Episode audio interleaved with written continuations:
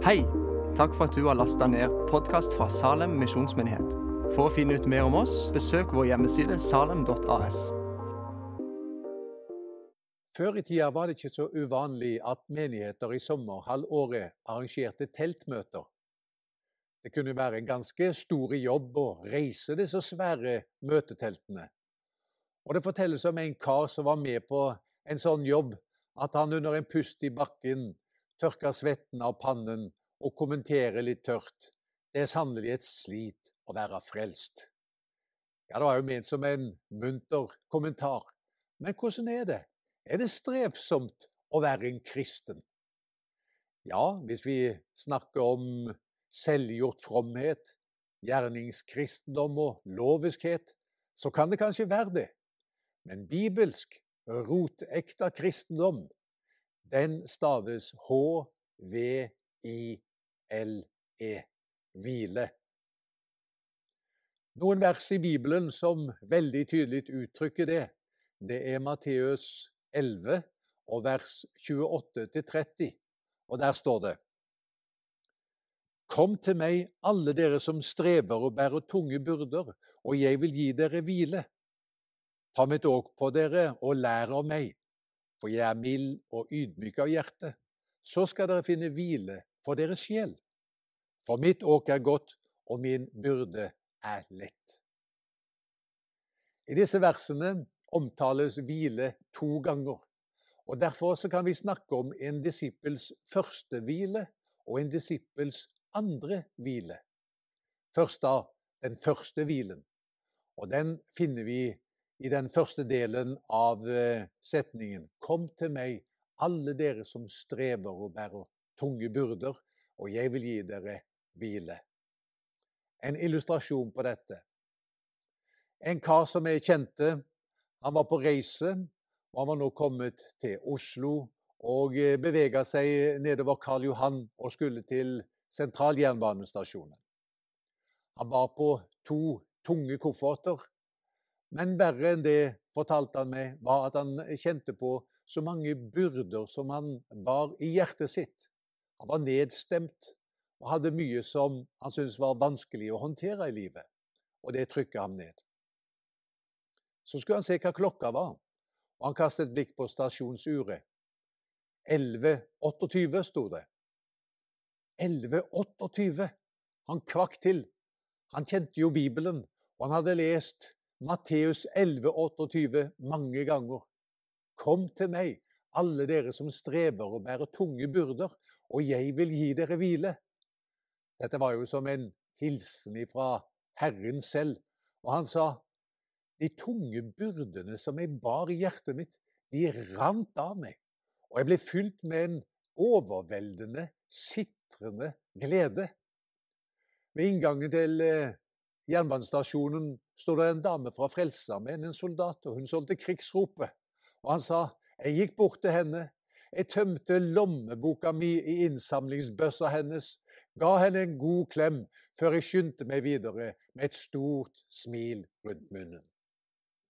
Ja, du som har møtt Jesus og har tatt imot ham og har erfart den første hvilen i livet ditt, du kan helt sikkert identifisere deg både med gleden denne mannen kjente, og hvilen som den hadde sitt utgangspunkt i.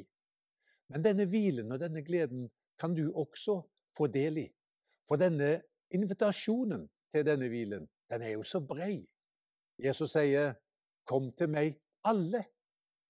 Han sier ikke 'Kom til meg, dere som har fått orden på livet', eller 'Kom til meg, dere som ikke har noen issues', eller 'Kom til meg, dere som har en sterk tro'. Nei, han sier Kom til meg, alle. Og så utdyper han det med å gi en invitasjon til eh, de som kanskje kjenner seg diskvalifisert i utgangspunktet. Kom til meg, alle, og spesielt dere som strever og bærer tunge byrder, og jeg skal gi dere hvile. Dette er en hvile på veldig mange områder, men først og fremst vil jeg si at eh, hvilen handler om å få syndenes forlatelse. For hvem når vi ser oss tilbake i livet, kan ikke tenke som så at det var mye jeg skulle gjort annerledes. Det var situasjoner jeg skulle ha taklet så mye bedre. mennesker jeg skulle ha møtt på en mye bedre måte. Og valget jeg tok som ble helt feil.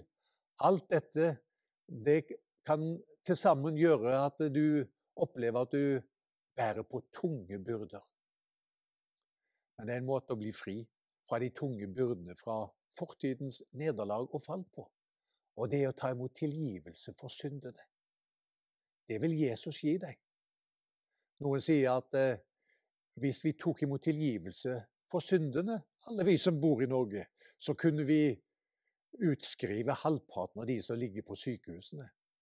Ja, det er kanskje å ta sterkt i, men det er ganske sikkert at syndenes forlatelse det frigjør oss fra byrder som kan tære både på kropp og på sjel. Og så viktigst av alt er det sånn at den som har fått syndenes forlatelse, er jo forent med Gud igjen, både for tid og evighet. Og det gir hvile. Men så var det denne andre hvilen, da. Én ting er syndenes forlatelse, men det står i disse versene også om en annen hvile. En hvile som vi får når vi blir Jesu disipler og lærer av ham å leve livet på Jesu måte. Fordi selv om vi er blitt kristne, og selv om vi da er Jesu etterfølgere, så er det ikke sånn at vi er unntatt fra de alminnelige livsvilkårene som mennesker har her på jorden. Så det betyr at også disipler og Jesu etterfølgere kan oppleve tøffe ting, vanskeligheter, motganger, det vi kan kalle livsstormer. Og Jesus har jo en veldig interessant lignelse i bergprekenen, i slutten av bergprekenen, om nettopp dette. For Der forteller han om eh, to menn. Og den ene er en Jesu etterfølger, og den andre er det ikke. Og de bygger hver sitt hus. Han som ikke er en Jesu etterfølger, bygger sitt hus, men han bygger det på sandgrunn. Og når regnet strømmer ned, og elvene flommer, og vinden blåser og slår mot huset, så bryter det sammen.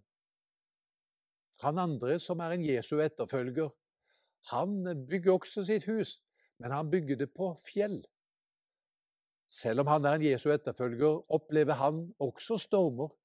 Regnet slår mot taket, og vinden den blåser mot veggene, og elvene de angriper grunnmuren. Så dette huset også blir utsatt for store påkjenninger.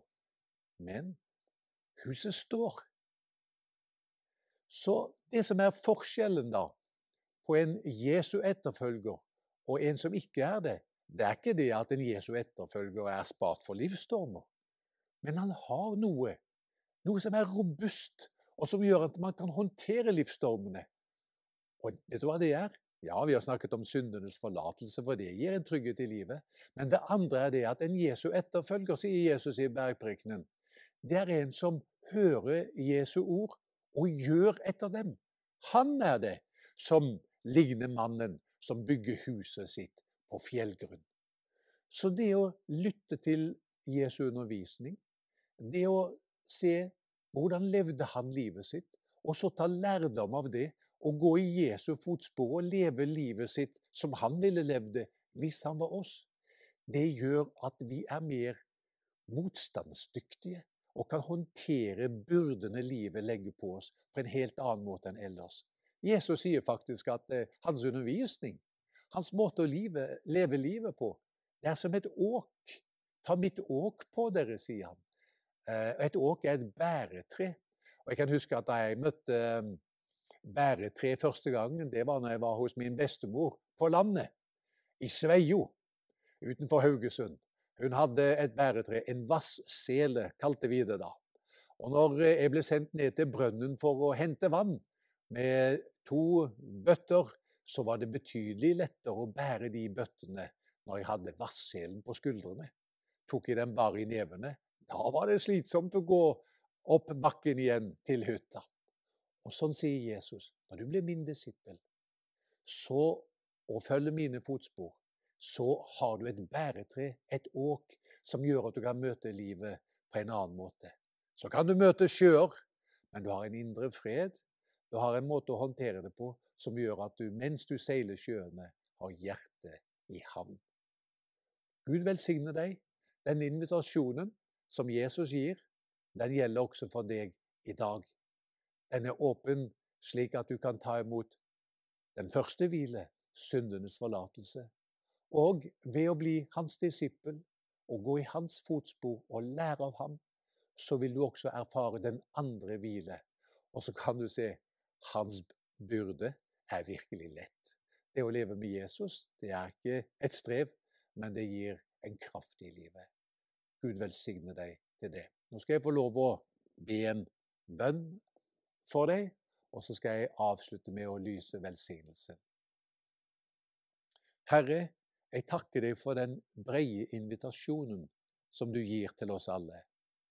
Takk at du inviterer oss først til å komme og legge alle byrdene våre av hos deg. Og jeg ber for de som hører på dette nå, som akkurat nå er i en livsstorm. Jeg ber at de skal få lov å legge av byrdene og eh, få lov å ta imot din hvile. Så takker jeg også, Herre, for at eh, du lærer oss å møte livet på din måte. Når vi møter vanskelige mennesker, møter bekymringer for morgendagen, når vi ikke vet hvordan vi skal håndtere det som livet bringer oss, så takker vi deg for at eh, vi sammen med deg har en vei å møte det på som gjør at vi kan håndtere det og eh, takle det. Jeg ber om fred, om velsignelse, om styrke for de som lytter til budskapet også denne søndagen. Ta imot velsignelsen. Herren velsigne deg og bevare deg. Herren la sitt ansikt lyse over deg og være deg nådig. Herren løfte sitt ansikt mot deg og gi deg fred. I Faderens og Sønnens og Den hellige ånds navn. Amen. Og hvis du har lyst til å komme i kontakt med oss i Salem, så er den enkleste måten å sende en e-post til post krøllalfa kmsalem.no. Så skal vi ta kontakt med deg igjen. Ha det godt.